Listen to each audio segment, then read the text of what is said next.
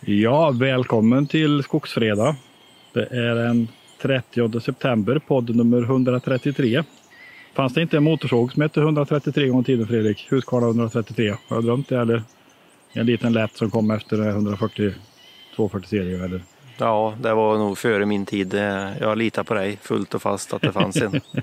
Alternativet är ju i kategorin för motorsågar på Skogsforum så lär vi nog få svaret inom några minuter. Ja, vi, vi hänvisar dit. Gör vi.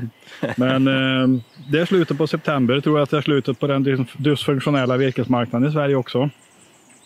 Eh, Har vi äntligen ja. sett... Eh, Början på slutet kanske? Början på slutet. Ja. Ja, eh, ja men det hände, hände mycket. Det händer mycket nu ja, eh, definitivt. Ja. Så det, idag blir det väl en del eh, virkesmarknadssnack hade vi tänkt. Ja, men vi kan ju inte eh, prata björk varje vecka utan vi får väl ägna oss lite åt, åt det. Nej, men det är väl så att det har hänt rätt mycket denna veckan. Ja, det har hänt det har en hel del. varit mycket olika händelser på, på, som påverkar skogen och virkesmarknaden givetvis. Definitivt. Så jag vet inte vilken ände vi ska börja riktigt. Nej, om vi ska prata med vad som har hänt så kan vi väl ta upp det här med att eh, Naturvårdsverket unisont med, med Skogsstyrelsen kom med en eh, ganska så stor nyhet igår, tycker jag i alla fall, med att de, de säger mm. att det är en kraftig nedgång i tillväxten i den svenska skogen. Ja. Ny data från SLU. Ja. Um, och uh, ja, det är bra att de börjar ta upp det. Jag, jag, jag vill inte vara sån. Det är, någon men, som har, det är någon som har pratat om det förut för mig. Ja, jag, jag tror vi började för ett par, tre år sedan nästan va? Man börjar se det här trendskiftet någonstans hur, det, hur liksom ja. avverkningar ökar och tillväxten minskar och, och skärningen närmar sig någonstans. Så nu är vi snart där. Ja visst, ja, men om vi ska, vara, om vi ska vara, uh, gå tillbaka till det så var det ju så att vi, jag tror att det börjar lite med att uh, var det inte att vi eh, eh, tittade på en hel del toppskott gran och såg att de var obefintliga? Jo, men det var ju efter, efter sommaren 2018, efter torrsommaren. Ja. Så var det ju väldigt tydligt. Dels så satt ju granarna mycket kort och sen så hade de, det var ju ingen tillväxt på granen. Många ställen man åkte förbi i södra halvan av landet i alla fall här så var det ju liksom på, på, på stället marsch någonstans som stampa. Ja, och de såg ju eh. anskrämligt utsatta ut också ja, lite dåligt med barr och sådär. Så att, eh, och, och sen gjorde vi, jag gjorde ju lite egna högst ovetenskapliga analyser. Jag borrat en massa granar uppe i Värmland i fjol tror jag det var. Jag var bland annat borta i dina trakter. Jag var borta i mitt föräldrahem och på lite ställen. Och ja, precis. Bara rätt mycket granar och, och, det kan ju vara väldigt liksom tunt resultat på litet underlag. Eh, men det är inte så förskräckligt mycket borrkärnor man har i riksfotsaxeln heller per år om man ska vara lite krasst då. Men det som var intressant det var att alla såg exakt likadana ut. Hade lite minskad årsring 2018, en extremt liten årsring 2019 och 2020 var det på väg att bli lite bättre. Det kunde man se. Och sen 2021 gick inte att se då, för det var ju i fjol så det, det, var ju under växt då. Men, det, men, men alltså en tydlig, jag kallar det för missväxtåret 2019, torkåret 2018 och missväxtåret 2019. Då. De två åren mm. har ju satt djupa spår. Ja, de har satt djupa spår. Verkligen. Som inte börjar syns än riktigt heller. Nej. Nej, men nu kommer det ju då. Så nu, nu är det ju, det var den här nyheten igår från Naturvårdsverket tror jag som hade huvudnyheten. Och ja. Eh, de kopplar det ju då på lite större nivå. Då lämnar vi ju skogen lite och så börjar vi, får vi gå in på EU och uh, Parisavtal och sånt där. Mm. Och det som är att de eh, flaggar för det nu det var ju att de ser en 19-procentig minskning i inbindningen Eh, i den totala markanvändningen, alltså LULUCF. Ja. Det går från eh, att ha bundit in i fjol 37 eh, miljoner ton i LULUCF och de tror att det kan bli 30 miljoner ton nu. Det, I nettoinvindning? Ja. Och, och, och, det går ju tvärs emot uh, vårt beting som ska gå åt andra hållet framöver då, i nya Ja, där har vi ju... LULUCF. Ja, precis. Där har vi förslag från EU som vill att, att ska, Sveriges eh, vad ska man säga, kolsänka i LULUCF nu då ska öka till 47 eh, miljoner ton på årsbasis. Mm. Och eh, stämmer det nu att vi går ner till 30 då, då har vi ju ett rejält beting på dryga 50 procent i ökning som vi måste nå på något vis. Mm. Och uh, tittar man på de här beståndsdelarna som finns, du får rätta mig om jag har fel Torbjörn, men jag har identifierat tre stycken som påverkar det här. Det är avverkningsnivån, det är den naturliga avgången och det mm. är den uh, fysiologiska tillväxten hos träden. Ja, om vi pratar skogen. Sen i LULUCF finns ju andra marktyper än skog. Du har ju ja, det gör det. torvmarker Absolut. och annat. Ska man, för, men, men skogen är ju den stora delen mm. i LULUCF. Ja. ja. Så nej, men jag tror att eh, det, det, är inte för inte som eh, att både Skogsindustriernas VD och generaldirektören för Skogsstyrelsen för någon vecka sedan gick ut i, i varsin eh, intervju i tidningen Altinget och eh, i princip sa samma sak båda två. Att det är nog kanske inte så jättebra att vi bara motarbetar de här förslagen som kommer från EU. Det var ju ett lappkast skulle jag vilja säga. Från, ja, från, från ja, två ganska höga, höga positioner i, i Skogssverige. Ja, och, uh, och, och det blir slumpen, förvirrande. säger jag. Ja, nej, precis. Det blir väldigt förvirrande för politikerna som ska gå in i regering och riksdag nu som, eh, som har liksom kört ett ganska hårt spår mot EU när det gäller eh, skogspolitiken och det gäller i princip nästan oavsett partifärg. Ja, absolut. Något undantag, men, men i de breda lagren av politiker i Sverige har ju varit ganska enade om att rör inte vår skog i EU. Nej. Någonstans då. Men om nu näringen börjar på säga något annat så blir det svårt för politikerna att stå själva här och säga att ja, men vi vill ändå att vi inte ska vara med i EU med skogen. det blir svårt. Ja, och jag tror att det... Eh, skogsindustrierna ser det ur ett marknadsperspektiv. Man är beroende av EU-marknaden givetvis. Ja, absolut. För skogsindustrierna, alltså unisont som branschorganisation eller som, som näring, så är ju till exempel eh, Svexit helt otänkbart tror jag. Ja, det tror jag är helt otänkbart totalt otänkbart. Ja. För det är, ju, det, är ju där marknaden finns. Så man kan inte ja. strypa marknaden. Man kan inte göra sig ovän med marknaden. Liksom. Det går inte. Ehm, Nej, det finns ingen alternativ marknad för EU, som, eller för, för en EU, ingen stor alternativ marknad än EU för de svenska producenterna. Det är ju där oavsett nästan vilken bransch vi pratar om så avsätter man den mesta exporten på EU-marknaden. Ja, Sen finns ja, det andra, andra exportmarknader längre bort som, som också används men, men, men EU är ju det absolut viktigaste då tillsammans möjligtvis Norge. Ja, ja. Visst är det så. så. Så det här blir ju jättespännande och sen precis när vi skulle gå ut och podda idag så kom det en nyhet som vi inte ens har hunnit diskutera eller eh, skriva om på Skogsforum eller i skogen. Ja visst. Eh, från Skogsstyrelsen. Skogsstyrelsen smög ut en lite fredag förmiddag lite diskret. Ja, att det står inte så bra till med med den, eh, ja, eh, naturen, alltså i skogen. Hur, hur ska vi sammanfatta det? Jag, jag, har det ju inte framför mig så jag, kan inte, jag har inte orden. Men eh, Nej, de, de Nej, lever ju... Man, man, uppnår inte naturvårdsmålen, uppnås Nej. inte, skogen uppnår inte sina naturvårdsmål någonstans. Och det har man ju hört förut också kopplat till till de ja. mål som finns då och ja, det har väl funnits, diskuteras om det. Levande skogar heter väl det målet? Ja, precis så. Och det Men, har ju fått eh, kritik för att det har varit ouppnåeligt och fram och tillbaka och hit och dit. Men nu kom ju en, eh, en vad jag tror en ganska gedigen analys som, som visar på en del brister där också. Ja, det finns så... någon form av rapport i bakgrunden, vi får läsa igenom den. Men mm. det, det, handlar om biologiska mångfalden, att den påverkas eller att, att man har problem att klara den i skogsbruket som det ser ut idag. Och det kommer då förslag på förändrade åtgärder eller förändrade förhållningssätt, marknadsmodeller tror jag de skrev till och med, att, eh, att man måste ta fram modeller för att kunna betala skogsägare biologisk mångfald. Alltså någonstans förväntar man sig att man ska ha en frivillighet i det här men samtidigt är det väldigt viktigt och Dessutom så straffas ju de som har naturvärden och skapar naturvärden genom att inte få avverka skog eller att, att inte få ersättning då som det var. Mm. Eller att i alla fall haft svårt att få ut ersättning då. Så det, det har de identifierat tydligt och, och, på något sätt vill ha till någon form av förändring någon form av marknadsmekanismer till och med. Ja. Hur det nu ska se ut. Ja, ja, ja men en sån förändring tror jag de flesta skriver under på. Det är ju önskvärt. Ja. Jag menar, vi har ju suttit, eh, svenska skogsägare har ju, sitter ju i en liten rävsax just nu med det här stora problemet som har varit att man har inte, oftast inte fått skälig ersättning för om man ska låta skogen stå på grund av naturvärden. Nej. Det är ju, det är ju där skon har klämt på något vis. Ja, ja. Och det är ju faktiskt så att man har aktivt röstat bort sådana förslag i budgetar också. Alltså budgetmedel som skulle varit avsatt för, eller ägnat för ja. ersättning till skogsägare om man röstar bort för att man tycker att man ska inte avsätta mer. Då. Men eh, jag tror att den vägen är stängd framöver på något sätt. Då, så. Ja, men visst är det väl så. Och det handlar ju inte om, om, återigen så handlar det inte om något sånt här eh, gravt miljötänk, utan det är ju liksom de här uppsatta målen som vi ska jobba emot och jag tror att de, de införlivas ju i, i både internationella och EU-regelverk också genom den gröna given och, och alltihop med, med biologisk mångfald. Ja. Så jag tror att vi, vi sitter ju i rävsaxen där och att då, in, att då börja ta bort sådana här budgeterade medel eh, för saker som måste igenom. Eh, det är ju att lämna eh, skogsägarna i sticket. skogsägarna i sticket. Ja, ja definitivt. Ja. Och det, den, Nej, det... den, den, frågan är nog inte det sista sagt för det är riktigt tråkigt faktiskt.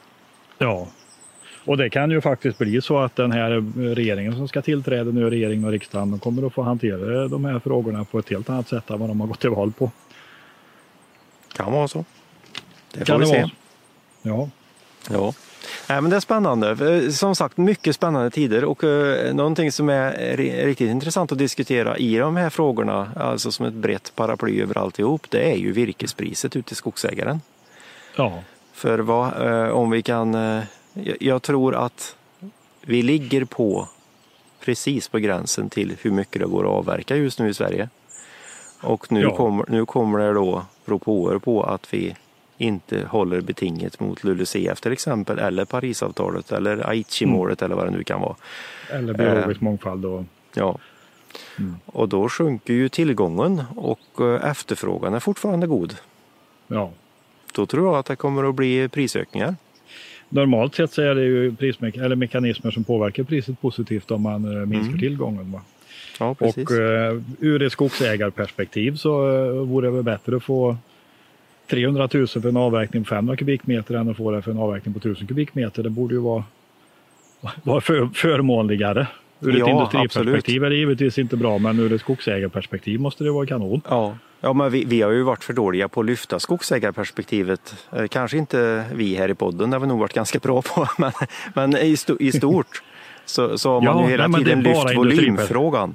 Det har ju ja. aldrig liksom varit att, att man kan avverka mindre och ändå få eh, kanske samma intäkt eller mer. Nej, och, och jag menar skogs, skogsägarens, eh, det är, ju, det är priset för, för produkterna som är viktigt någonstans. Ja, men det, ja. Förr så pratade man mycket om avsättning. Jag tror idag så är det ingen som behöver bekymra sig om avsättning av sina produkter överhuvudtaget. För det kommer vara sån sug och brist efter virkesråvara, rundvirkesråvara. Så det liksom, den kan man checka av och städa bort från bordet. Det kommer inte vara så att det finns ingen som kan köpa mitt virke som man Nej. har hört förr då. Ehm, den det... tiden är nog förbi. Den är nog förbi och där hörde jag faktiskt igår en ganska intressant sak. Det, det är ju värt att grotta i men jag tänkte jag nämner det i podden ändå för det kan vara roligt för våra lyssnare. Um, ja, eh, det ska vi titta djupare på men tydligen så kan det vara så att uh, importen till Sverige uh, går ner ganska kraftigt ja, just nu. Det är nog uh, rätt och det, tänkbart. Ja. ja, och det har att göra med då enligt utsago att uh, de som exporterar normalt sett till oss, kanske baltländer eller vad det nu kan vara, de ja. börjar hålla på virket. För de behöver det själva. Ja, så är det nog och sen så är det ju väldigt dyrt också. Ja, absolut. Så det finns, finns det smärtgränser där också kanske. Ja. Jag menar, vart, vart går gränsen för björkmassaved? Kan man betala 1300-1400 kronor för i Baltikum och, och, fra, och bekosta sjöfrakt på det till Sverige? Ehm. Ja. Nej, och sen, jag tror du kan vända på det också, för du sa till mig nu under veckan, eh, du, får, du får dra det själv Torbjörn, men du hade ju pratat med ett sågverk som eh, hade fått förfrågan om att sälja pellets. Ja, alltså. oh ja. Jo, jag pratade med en träförädlare som, som gör mycket spån själv. Och som, eh, alltså fällesmarknaden är totalt galen. De blir av med allt. De kan inte leverera. Det ringer flera om dagen ifrån hela Europa och skriker mm. efter pellets och han kan inte serva mer än sina befintliga kunder och knappt det. Och, och liksom, ja, och det är ju en totalt lappkast. Jag menar när vi stod här för ett år sedan, lite drygt kanske, så var ju sågspån, alltså hela Sverige badade i sågspån efter att sågverken körde för fullt ja, så mycket det gick. Visst. Och eh, pelletsmarknaden var ju, om inte död så var den i alla fall låg då. Och, och nu ja. är det precis tvärtom. Ja, nu är det helt galet.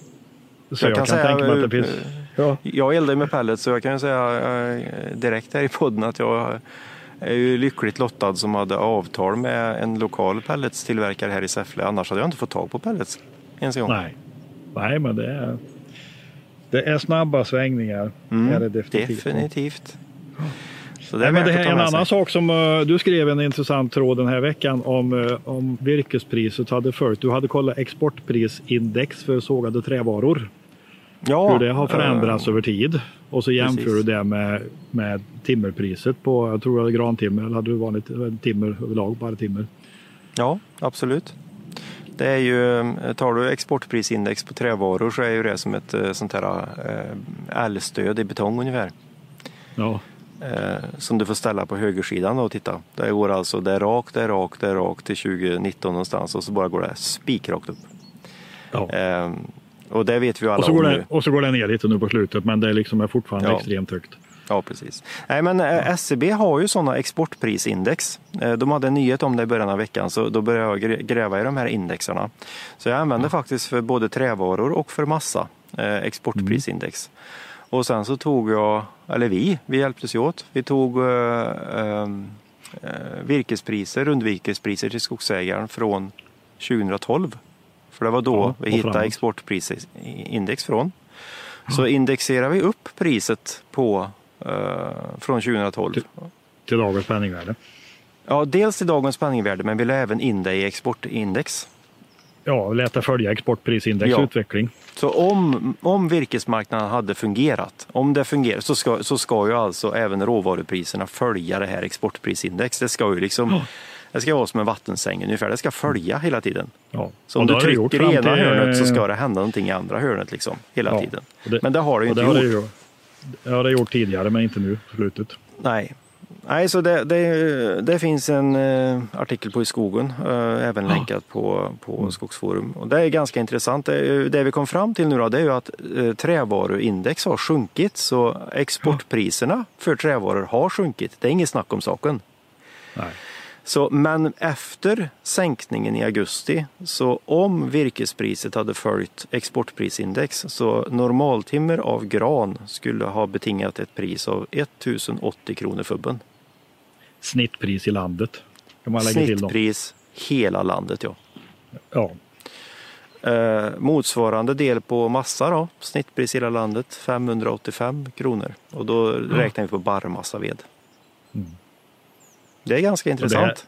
Ja, det är rätt intressant och det ur ett landsbygdsperspektiv så är det väldigt intressant för det är ju förlorade intäkter för landsbygden som hade ju gett otroligt positivt avtryck om man hade haft en fungerande virkesmarknad då. Ja, definitivt. Vi, vi, vi räknar om det till fubbpris att eh, det var en förlust på i snitt 362 kronor fubben. Va? Ja. Och då är det bara att gå över Östersjön till Finland, Baltikum, Tyskland och ner över och se att där har man priser som lirar ihop med marknadsmekanismerna på ett annat sätt. Då. Ja, troligtvis. Eh, högst Ja. troligt så är det ju så. Bättre i alla fall. Ja, definitivt. Eh, Mm. det, det är det. Så det här är, den här frågan är superviktig och det är viktigt att, att skogsägarna lägger tid och, och kraft på det här. För eh, vi kan inte ha Europas lägsta virkespriser längre. Det går liksom Nej. inte. Och jag tycker på, det är många som diskuterar det här på Skogsforum och ibland så dyker det upp en och annan som tycker att liksom, ja, vi får skitbra betalt där man räknar in efterlikvid och, och liksom kämpar emot att eh, det är inte alls dåligt. Ja, men det är dåligt om man tittar i ett större perspektiv. Och eh, det, det finns inget skäl att försvara dagens situation för en skogsägare utan Nej, kämpa för att få bättre det. betalt. Ja, Och även om du får, tycker att du får skapligt betalt idag jämfört med resten av landet så är det ändå, finns det ändå uppsidor på priset helt klart. Ja, ja visst. Jo, vi hade en sån fråga med Österrikepriserna som vi diskuterade Ja. förra veckan och då, då var det ju med att efterlikvider och, och sånt där kommer till då Ja. räknar man oftast med. Men Österrikes priser är ju inte med efterlikvider. Och det kan ju Nej. vara så att det kan finnas liknande skogsägarföreningar i Österrike och då skulle vi teoretiskt sett kunna ta fram efterlikviden för dem då och göra en sån jämförelse och då tror jag att vi hamnar ungefär lika. Att det Ja. är stor skillnad. Vi har väldigt låga virkespriser i Sverige. Vi har låga virkespriser. Jag ser nu är det ju för nu ATL har börjat skriva om, de skriver om dysfunktionell virkesmarknad och Europas lägsta virkespriser. Det tycker jag är väldigt positivt. Ja men det är ju jättekul. Att, att, att det sprider sig och att fler tar Ja. upp det. här. Och uh, Ulf Aronsson har haft en hel serie med artiklar som har lyft upp mycket av de här, mycket av den här dysfunktionaliteten på på eh, marknaden. Då. Så att, ja. det är ju, tyvärr så ligger det mesta av det bakom betalvägg. Då, men det, har, man inte, har man inte det så kan man ju läsa om det hos oss. För det är väl ungefär samma saker vi skriver om de senaste åren. här. Ja, nej, men lite så kanske. Men det är, ja. men det är jättebra men det är väldigt positivt att det... Ja. Ja. För, för vi, det, det, måste, det, det är allvarligt. Det är riktigt allvarligt. Vi, vi räknar väl ut, tror jag, att eh, det är ju ett antagande naturligtvis, det får man ju inte ta, eh, ta för givet att det är så, men eh, givet att om vi indexerade exportprisindex där så var det väl en, ja, vad var det vi hamnade på för, med förlusten? 14 miljarder i förlust till landsbygden på ett år. Ja, de, jag kommer inte ihåg, siffrorna finns i tråden, vi länkar in den, mm. men det var mycket pengar var det i alla fall och jämfört med att eh, rimliga virkespriser då.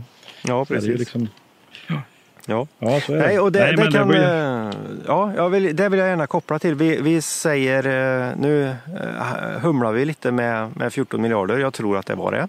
Mm. Men det, det, är bra att säga, för det får vi bryta av och så får vi dra en, koppla tillbaka till förra veckans podd. Det lovar jag att göra, för ja. då fick vi kritik för att vi hade kommit med blaha blaha siffror och vi blev ifrågasatta om vi går att lita på egentligen någonting vi säger. Ja. Eh, och det, därför är det viktigt att vi tar upp det här nu. För jag kan börja med att säga att vi sa att eh, vi kunde få ett... eh, den som tillverkar ved eh, kan teoretiskt sett idag få ett FUB-pris på 3500 kronor FUBen. Om man, om man gör kapad och kluven brasved. Ja, precis. Mm. 1000 kronor eh, skärpt mått sa vi. Ja. Och det var det skärpta måttet där, som där låg vi för högt i podden. Det Om, kan, det kan jag säga direkt. Yes, omräkningstalet direkt. Så det tittar vi på nu under veckan och det, det, det här är intressanta saker. Eh, vi låg alltså, det var jag som hade tagit fram siffran. Jag hade tagit fram en siffra på 3,5 gång. Eh, en FUB ger 3,5 M3S. Och, Men då har ni inte eh, suttit och tittat på den själv utan du hittade någon annanstans, någon källa antar jag? Ja, det var det, men det var fel kan ja. man säga. För sen så tittade jag och läste lite studier om det här och då fanns det ju ganska ett ganska yvigt eh, mått eh, mellan typ 2 till 3,7. Ja. Beroende på tjocklek på ved, råvaran, ja. hur grov råvaran är, hur mycket krympning sker beroende på hur länge veden torkar och så vidare. och så vidare. Ja. Men toppen var alltså 3,7, jag sa 3,5 så det var för högt, det kan jag säga direkt. Men då vedproducenterna på Skogsforum som var inne och skrev om det här, de eh, håller jag väldigt högt och de säger att det är 2,2. Ja, men jag ehm. tittar på, eh, på skogskunskaps omräkningstal. Om man tittar på en M3 FUB björkmassaved i trave så motsvarar mm. det 1,94 M3 travat eller någonting sånt där. Då. Ja. Ehm, och säger knappt två kubikmeter om man mäter traven. Och, och det är mm. klart, ska man kapar och klyver och tippar ett lass på backen så måste det bli mycket mer än två. Ja, det är det de säger att det inte blir. De säger att man, man eh, det är det man lurar sig på. Jag, jag har läst lite ja. gamla trådar om det där och eh, det där kan man diskutera och det diskuterar vi gärna vidare. Men det, ja. det som jag skulle vilja ha sagt då, det är att eh, om man drog ett snitt på de här studierna som vi läste, som man ändå får ta, mm. de får man ta med faktiskt, för studier är studier. Ja. Då blir det runt tre ja. i, i snitt. Då. Men ja, var, du får backa en halv kubik. Nej, jag kan backa ännu mer om det skulle vara så. För den här frågan är nog levande skulle jag tro. Men ja. det är viktigt att säga att rätt ska alltid vara rätt. Ja, absolut. Uh, och jag hoppas att uh, ni som lyssnar på podden uh, tror på vad vi säger. För det, har vi, det sätter vi ganska högt anseende på att vi ska prata riktiga saker. ja, och att vi ska ha rätt data och siffror. Definitivt. Ja. Och jag Men det kan vara lite svårt ibland. Ja. Där bara att säga med att hur som så är ved troligtvis en mycket god affär just nu. Ja, precis. Ju, eh, nu skrivs det om det överallt där också. Jag såg det var inslag på eh, SVT Värmland eller vart det var någon vedproducent som hade slut på allting och det fanns. Eh, det är väl så det ser ut på det mesta. Pelletsen är slut, veden är slut. Ja, precis. Torrgranarna som ryker nu. Glöm inte att ta betalt för dem. Nej, men eh, det här med siffror är väldigt, eh, det är grannlaga uppgifter. Jag sitter med en grej nu. Jag ska försöka lägga upp den nu när du eh, lägger upp podden här så ser vi får, får upp den idag. Om, ja, egentligen började det någonstans i, i de här överavverkningarna som försvann. Alltså på, när jag studerade skog så fanns det ju några år på 70-talet där man såg att kurvorna för avverkning skar och gick över kurvorna för tillväxt. Ja. Eh, och de fanns ju med rätt länge. Nu är de borta, för tittar man på graferna som presenteras nu över tillväxt, avgång och avverkning så har vi aldrig avverkat mer än tillväxten. Inte ens 2005 när Gudrun fällde 122 kubik, miljoner kubikmeter. Nej, precis. Eller när, vi, när Gudrun fällde massa, Gudrun fällde 75 och så vi avverkade 122 miljoner sammanlagt. Ja, precis. Då var det. Eh, nu var det siffrorna igen. ja, då var det siffrorna igen. Viktigt att det är rätt. Nej, men eh, så jag har grävt rätt mycket det där för att se vad, vad, vad kommer det sig att det ser ut så nu och inte så ut så då och så vidare. Då. Och ja. Eh, då hamnar man ju i riksskogstaxeringens siffror och det finns framförallt när det gäller tillväxten så finns det väldigt mycket olika siffror nu att titta på så att det är ganska svårt. Det finns gamla serier, det finns nyare serier och det räknas på olika typer av mark och så vidare. Då. Yes. Men eh, det jag kommit fram till det är ju att idag använder man i de här graferna så använder man ju riksskogstaxens avverkningssiffror. Riksskogstaxen mäter ju avverkningar med stubbinventeringar och så mm. får man fram en uppskattning hur mycket som avverkas per år. Man försöker ha koll på när det är avverkat också. Skogsstyrelsen har, fram till, de, de, har ju stått för den officiella statistiken för bruttoavverkning. Mm. Och då tar de ju enkäter till skogsindustrin, hur mycket virke har ni använt? Och så räknar man bort export och räknar in import. Eller räknar bort import och räknar, räknar in export. Yes. Eh, och så tar man hänsyn till lagerförändringar och sen räknar man också ut eh, på olika sätt hur mycket som har blivit kvar i skogen i form av toppar och röjningsvirke. Mm. Och hur mycket som har gått till vedanvändning som inte går till industrin då, till, till stugved eller hemved. Så det har de alltid varje år presenterat en bruttoavverkningssiffra då. Den ligger just nu på 96 miljoner kubikmeter någonstans. Eh, men ja, prognosen för i år. Ja, I fjol var det 97 va? Ja, 96,6 eller någonstans där. 97, ja, jag vet inte. Okay, Men yes. eh, skitsamma. Eh, för de här tillväxtsiffrorna som finns, de finns inte fram till nu utan de finns fram till 2018 som längst då. Jo. Eh, och då har jag lagt in Riksskogstaxen tillväxtsiffror. Jag har lagt in bruttoverkningssiffrorna från Skogsstyrelsen och jag har lagt in den naturliga avgången för den mäter Riksskogstaxen också, hur många träd som har dött per år, då, hur många miljoner kubik.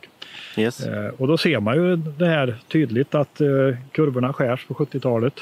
Eh, mm. Men lägger man in eh, riksskogstaxens avverkningssiffra så har man jämnat ut de här pucklarna så det skärs ju inga kurvor någonstans då.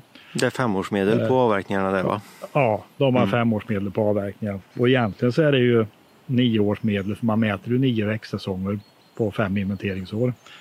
Så det är ja, väldigt liksom ut om man mäter det på ett speciellt sätt som det går att läsa mer om i tråden. Där. Men det som jag vill, vill komma med när man tittar på det, det är ju att man kan ju liksom med hjälp av den här statistiken kan man ju trolla bort eh, tillfälliga överavverkningar i alla fall.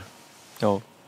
Sen skulle jag säga att under 80-talet har vi haft många år där vi avverkar väldigt lite i förhållande till tillväxten, där vi har byggt upp stora förråd. Då. Detta har ju gått åt det mm, hållet mm. också. Ja, ja, absolut. Men, eh, men det som är intressant att se nu då, för nu kommer vi tillbaka till det med Naturvårdsverket, LULUCF. Alltså vad händer nu för de här siffrorna? De går ju åt fel håll just nu och de kommer mm. att fortsätta att göra det flera år ja. framöver. När vi ska räkna LULUCF statistik till EU. Ja, och ja. hamnar i skamvrån eller vad som händer. Ja, det blir ju en, eh, en jobbig situation i alla fall. Det, det lär det ju bli. Ja. Som måste hanteras på något sätt. Så det är definitivt. Det gör ju det liksom. Mm. Och, och där är ju återigen, alltså skogsägarna måste inte ta industrins perspektiv. Alltså det kommer att, det kommer att vara stora protester från skogsindustrin om vi ska minska avverkningar.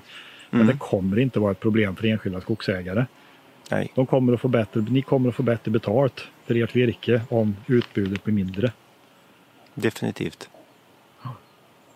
Och Men det, det är en resa som måste göras eh, med tanke ja, på samhällskontrakt och sånt som vi har pratat om. Absolut. Vi är ju inkörda kunde... på spår liksom, som det är inte bara att hoppa ur. Nej, det är jättesvårt. Och tänka nytt. Och, och, eh, inte minst industrin. Och det man kunde önska då, det är ju att man kunde se en ökad vidareförädling. Alltså att man inte behöver öka volymen avverkning utan man kan öka förädlingen och det man, det man tar in och få, höja ja. värdet och förädlingsvärdet på det. Det har vi pratat om förut. Men eh, Ja. Vips var den här fredagen slut. Vi ja, måste flagga för nästa fredag. Ja, nästa fredag då, då, får ni tuna in, det ska nog gudarna veta. Om, om tygen håller, höll på att säga, men om, om vår plan håller så har vi en uh, gäst med oss nästa fredag. Ja. Och det är inte vilken gäst som helst, det ska gudarna veta. Så det kommer bli, det vill ni inte missa. Det blir en bra uh, cliffhanger att lämna det här med. Nyhetsbrev nästa vecka också. Glöm inte ja. att signa in som medlem på Skogsforum om inte ni gjort det redan så får ni nyhetsbrevet här någon gång på måndag, tisdag. Ja, vårt populära numera. Herregud vad många som läser det. Det är jättekul. Ja, men ha vi får en skön skogsfredag. Ja, och en trevlig helg allihop. Ja, hej. Hej då.